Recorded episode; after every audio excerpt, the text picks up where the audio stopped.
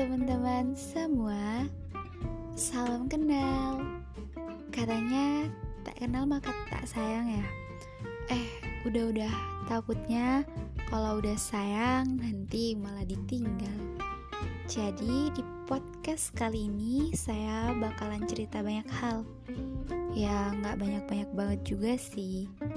Cuman biar yang kenal jadi tahu Dan yang belum kenal kita kenalan jadi, kenapa saya memutuskan membuat podcast ini? Karena menurut saya nggak semua cerita harus dipendam sendirian. Hmm, karena nggak semua orang punya teman cerita yang benar-benar siap dengar cerita kita. Eh, ini terlalu basa-basi dan baper banget ya sih? Baiklah, jadi semoga kalian gak bosan dengan suara saya ya.